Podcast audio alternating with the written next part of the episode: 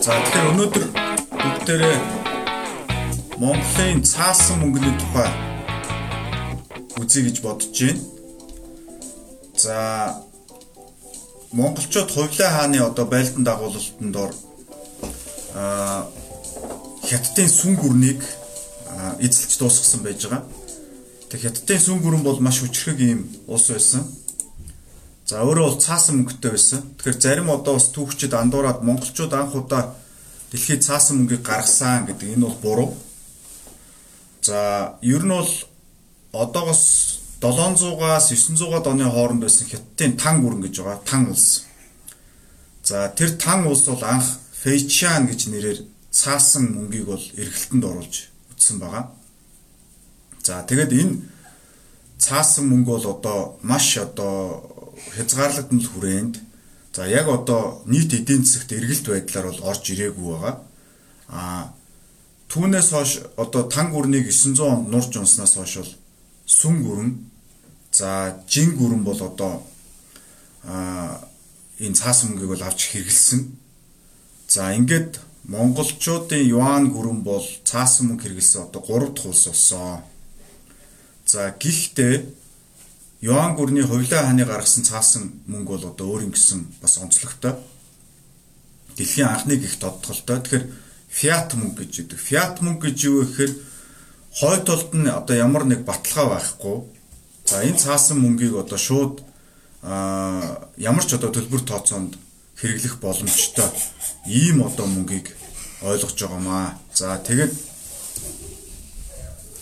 энэ одоо цаасан мөнгийг бол хувлаа хаа маань зоосон мөнгийг орлуулж гаргасан байж байгаа. За тэгэд энэ зоосон мөнгийг бүрэн орлсон цаасан мөнгийг гаргаснараа дэлхийд анхных улс юм аа. Тэгэхээр дэлхийд улс орон даяар хэрэглэгдсэн өдөр тутмын төлбөр тооцоонд хэрэглэгдсэн анхны цаасан мөнгийг бол одоо хувлаа хаа маань бол ялтчгүй гаргасан байгаа. За тэгэд энэ э, монголчууд бол одоо эхлээд зөрчдийн алтан улс руу улстай байлдсан. За зөрчтэй алтан улстай бол сүн гүрэнтэй бол тодорхой хэмжээнд бас цэргийн холбоо үүсгэж ингэж байлдсан 20 гаруй жил бол байлдаж энийг бол дарж авсан байгаа. За дараа нь хамгийн сүүлд нь бол сүн улстай байлдсан зөрчтэй алтан улсыг байгуул байлдан дагуулсныхаа дараа тэгэхээр зөрчтэй алтан улс гэдэг бол бүрэлдэхүүндээ Кедан, Манж, Манжуудын овог дээд суулгах зөрчид. За тэгэд хятадуудыг хаан үндэстнийг агуулсан ийм одоо том улс байсан. Харин сүм улс бол дан одоо хаан үндэстэн буюу хятадуудаас бүрдсэн хятад иргэдтэй ийм улс байсан. За тангууд улс бол бүрэлдэхүүндээ тангуудууд за төвдүүдтэй бол тодорхой хэмжээнд бас ураг төрлөх гэж бас үздэг. За дээрэс нь хаан үндэстэн за дээрэс нь одоо цагаан монголчууд гэж бас монголчуудыг бүрэлдэхүүндээ агуулсан ийм улс байсан. За сүм гүрэнтэй бол нэлээд хатуу ширүүн дайныг хийсэн. За 1200 67 8 он хүртэл байлдсан. Бараг 30-аад жил байлдсан. Сүн гүрэн бол одоо маш их бэхлэлт хамгаалалт сайтай. За зөрчтэй алтан улс болон монголчуудтай байлдахдаа бол их буугар галж байсан. Дээрээс нь одоо бялтат буу гэдэг юм уу да одоо хамгийн анхны вентов гэж хэлж болох ийм буугаар бууж исэн, пуужин харвж исэн. Ер нь бол маш хүчтэй улс байсан. За ингээ монголчууд бол мэдээж цэрэг дайны одоо маш агуу тактик стратеги гаргадаг учраас тэргээрээ бол одоо дийлсэн Тэрээс цэрэг зэвсгийн хүчээр бол дийлэх боломжгүй байсан. За сүн гүрэн монголчуудтай байлдахдаа байлдаад одоо дийлэгдсэн бас нэг шалтгаан бол энэ цаасан мөнгөнийх нь инфляц байгаа. Хуйзи гэж нэрлэдэг байсан юм цаасан мөнгө байсан. Энэ нь бол ерөөсөө ханшин маш ихээр унсан. Сүн гүрэн цэрэг армийнхаа дайныг одоо санхүүжүүлэхийн тулд бол маш ихээр цаасан мөнгийг бол хэвлэж гаргаж исэн. Ингээд цаасан мөнгөнд итгэх итгэл байхгүй болж инфляц маш ихээр одоо газар аваад байсан учраас бас эдийн засгийн дороотолд орж ялагдсан гэдгийг бол ярих хэрэгтэй. За одоо манай Монголын сургуулиудад түүхийн хичээл гэдэг тэгэхээр Юли Цезар цэрэг босгоол дайрж ороод бүгдийг эзэлсэн. За одоо Македоны Александр цэрэг босгоол одоо баахан хаанаас ч гинт нөгөө цэргүүд нь баахан хоёрдуулах Бамбатай болоод дайраал одоо эзэлдэг.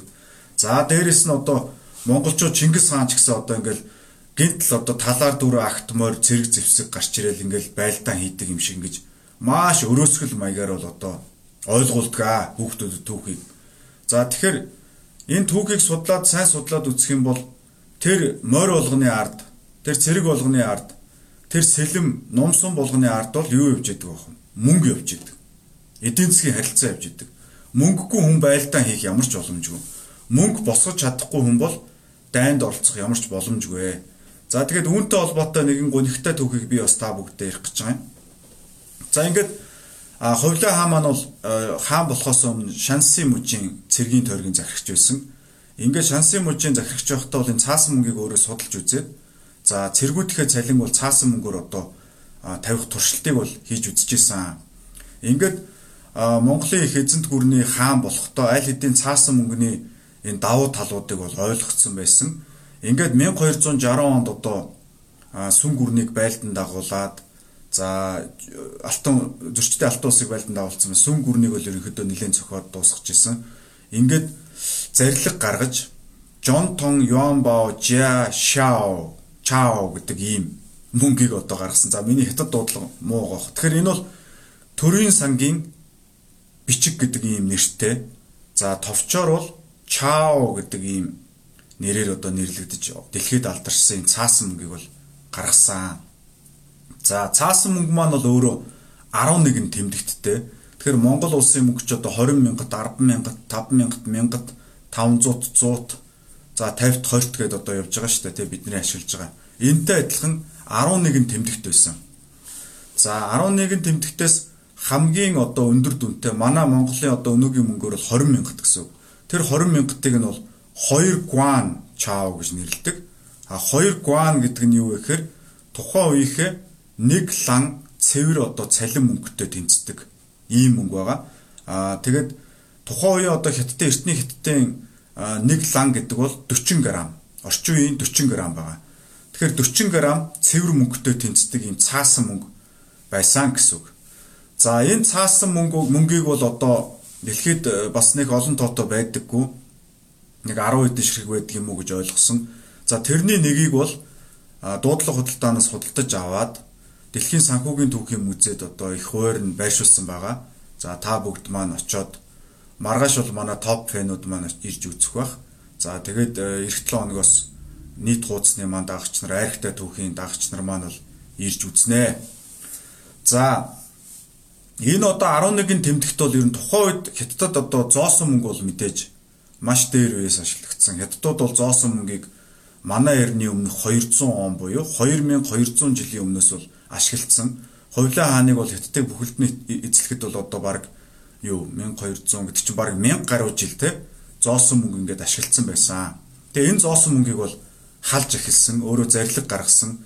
За тэгээд тухайн үеийн хэрэгжилжсэн зоосон мөнгө бол одоо хамгийн доод нэг жиг бол вен гэдэг байсан. Вен. Тэгээд 10 вен уу одоо 10 мөнгө гэх юм уу да тий 10 мөнгөтэй тэнцэх цаасан чаавгаас эхлээд дээшигээ 2 гуан гэдэг бол 2000 вен гэсэн үг.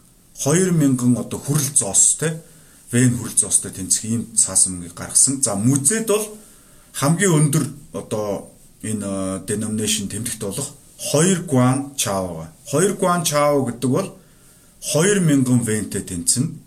А 2000 вен маань нэг лан цэвэр одоо мөнгө буюу 40 г цэвэр мөнгөтэй тэнцдэг ийм мөнгө байна гэж байгаа. Тэгээд хоёр гуанаар бол одоо бас нэлээд нэг хүний хагас жилийн будааны хэрэгцээг авчна гэж байгаа юм. Эдийн засгийн одоо худалдаа авах чадварлуу шилжүүлээд үзэх юм бол. За ингээд Хуйлаа хаа маань бол дэлхийд одоо анхны фиат мөнгө буюу анхны үндэстэн даяар одоо хэрэглэгдсэн цаасан мөнгийг эргэлтэнд оруулсан. Зоосон мөнгө бол одоо баг хэрэглэгдэхэ болсон.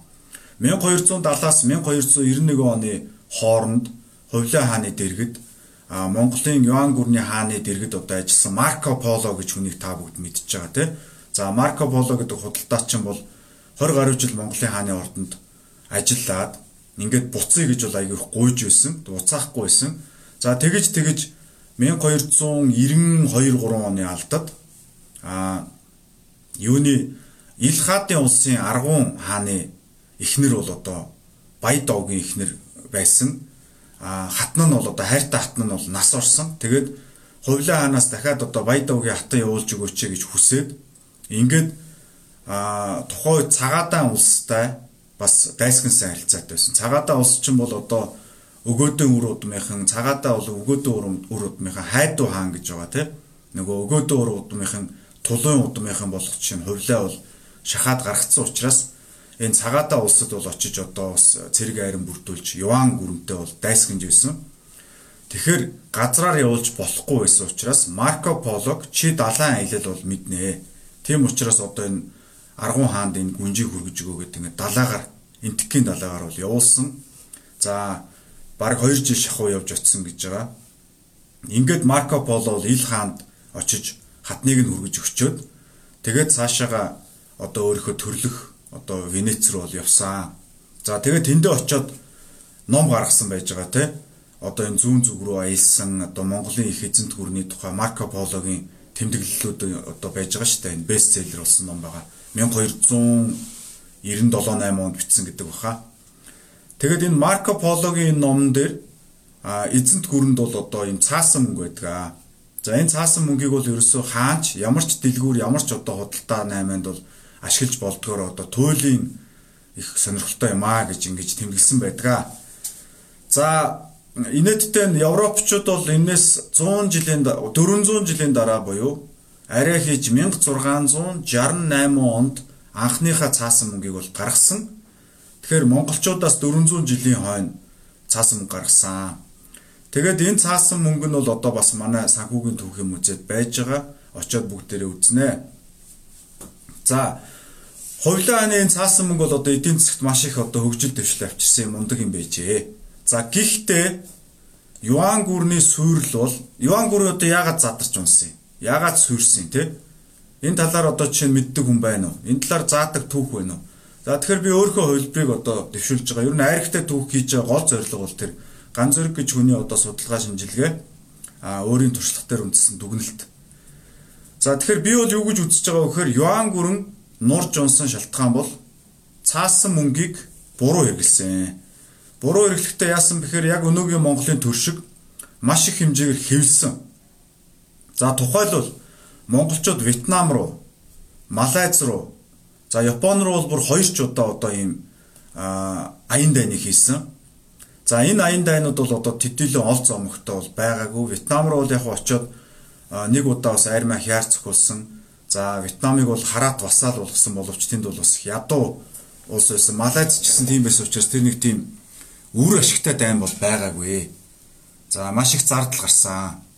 За би бас энэ нөө айргатай түүх хийж байгаа. Айрга харуулхаа мартсан энэ. Айрга хийцэн байгаа шүү. Манайхан бүгдээрээ нэрээ айрга барьсан уу? За энэ та бүгд уншигдж байна уу? Надад нэг ийм 5 6 мөнгө аяг байдаг юм байна. Тэгээ би өөрөө мөнгө аяг хөдөлж авч үзээгүй. За энэ болохоор юу гэж байна? Prime General даатгал ХХК-гийн хамт олноос нь дурсгаа гэж байна. 2010 оны 2 сарын 12 гинэ. Тэгээ би энэ Prime General гэж энэ даатгалын компаниг үүсгэх захирал хийжсэн 2008-аас 2011 онд. Тэгээд өнөөгийн тэнгэр даатгал болгосон штэ. Тухайн үед бол зах зээл дээр бас жижигвтер компани байсан ингээд бас 3 жил манай залуучууд надтай хамтарч ажиллаад гайгүй том болгосон. Тэгээ орчин үеийн тэнгэр даатгал юм да. За айрга нэг уучи. Бүгдээрээ нэг айрг марга нэг ууцгаачих сайхан.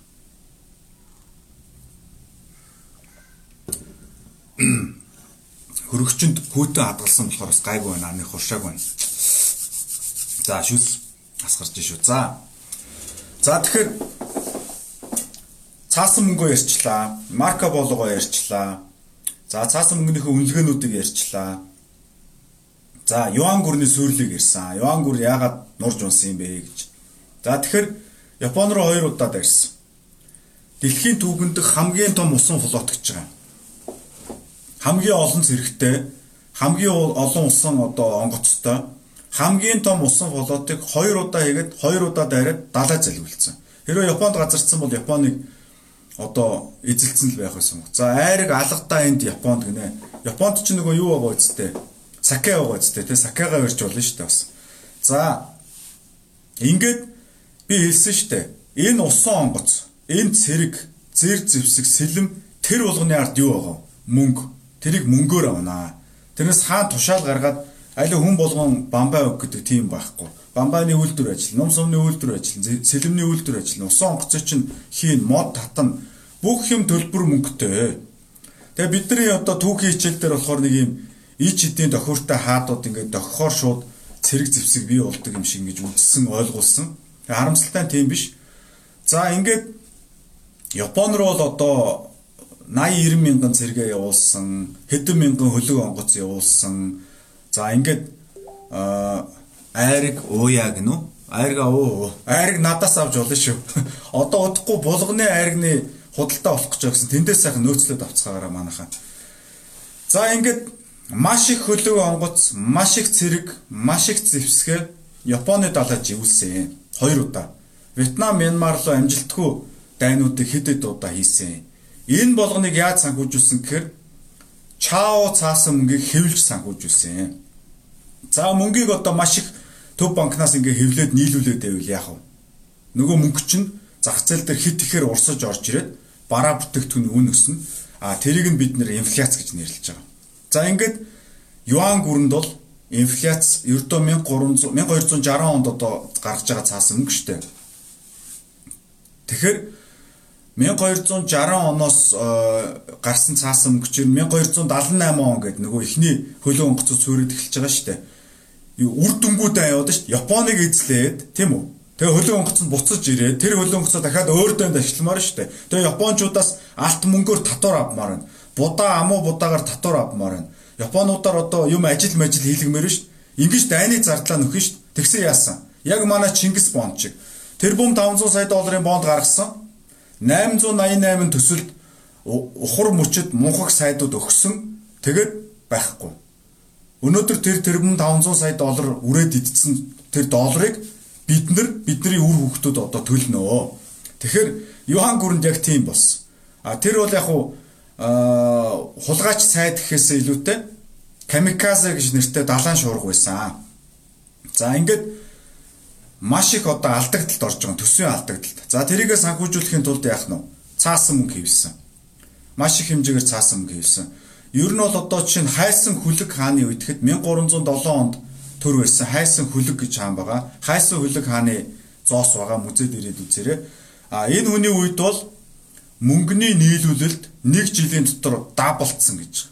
Хоёр дахин нэмэгдсэн. Тэгэхээр та нар боддоо одоо Монгол он гинт мөнгө хэвлээд нэг жилийн дотор хоёр дахь их мөнгө хөвлөө хийчихвэл яах вэ? Долларын шид байсан. 1200 байсан. 1200 дээр нэлээд олон жил явсан. Өнөөдөр хэд байна? 2670. Яаж вэ? Төгрөгийг хевлээд нийлүүлчихэж шít. Төгрөгийг төсвийн алдагдлаас санхүүжүүлэх гээд хевлээд нийлүүлж байгаа. Яагаад алдагдал хүлээгээд байгаа юм? Яагаад гэвэл сонгуул болгоноор тэр хүүхдийн мөнгө, тэр будааны мөнгө, газар тариаланчдад зориулаад үнэн худал мэддэггүй баахан мөнгө, жижиг дунд үйлдвэрийн яадаг хийдэг мөнгөд баахан мөнгө амлаад тэр мөнгөө авчиж өгөө тэр мөнгөө авч идэж ууж идээд ланд крузер юу ч болгодог юм те. Ингээд одоо алдагдлалд орохоор алдагдлаа нөхөхийн тулд мөнгө хэвлэдэг байх нэ. Тэгээд ер нь бол одоо улс орны эдийн засгийг удирдах бол их амархан л да. Түүхийн ном уншичхад тэгэл удирчиж байгаа. Юан гүрэн яагаад нурсан бэ гэдгийг Монгол анхны ерөнхийлөгч Сангийн сайд хоёр уншичдаг бол тэгэл болчих гээд байгаа байхгүй юу? А орой одоо пив дарс архитар суухаараа Чингис хаан хувлаа хаанаараа одоо гайхуулж бахархаад жигтэйхэн а тэгсэн мөртлөө тэр хүмүүс яаж улс орноо удирдах гэсэн юунаас болж алдаа гаргасан талаар ямар ч мэдээлэлгүй. Тэгсэн мөртлөө гадаадад одоо магистр докторийн зэрэг хамгаалтсан өндөр албан тушаал хашдаг. Тэгээд нас нь одоо 50 60 гарцсан ийм хүмүүс л одоо байгаа л байна л да ер нь. За тэгэд тэр утгаараа бид нар одоо залуучууд бас тэрийг давтахгүй гэдэг энэ түүхийг сурж байгаа. За тэр сүн гүрний үед би хэлсэн хуйси гэж мөнгө байсан. Юан гүрний мөнгө чинь чао тий. Тан гүрний мөнгө чинь фэчан гэд. Тэгэхээр сүн гүрний сүн гүрэн бас монголчуудаа байлдах гад монголчууд бол одоо маш их ядрааж ясан учраас маш их цаасан мөнгө хэвлээд хуйцын ерөөсөө ямар ч үн цэнэгүй болсон байна. Үн цэнэгүй. Цаас болж ирсэн. Тэгэхээр нь хувлаа хаан сүн гүрний ард иргэдийг одоо өөртөө татахын тулд яасан бэ гэхээр а нэг чаогоор 50 хуйсыг сольж авсан.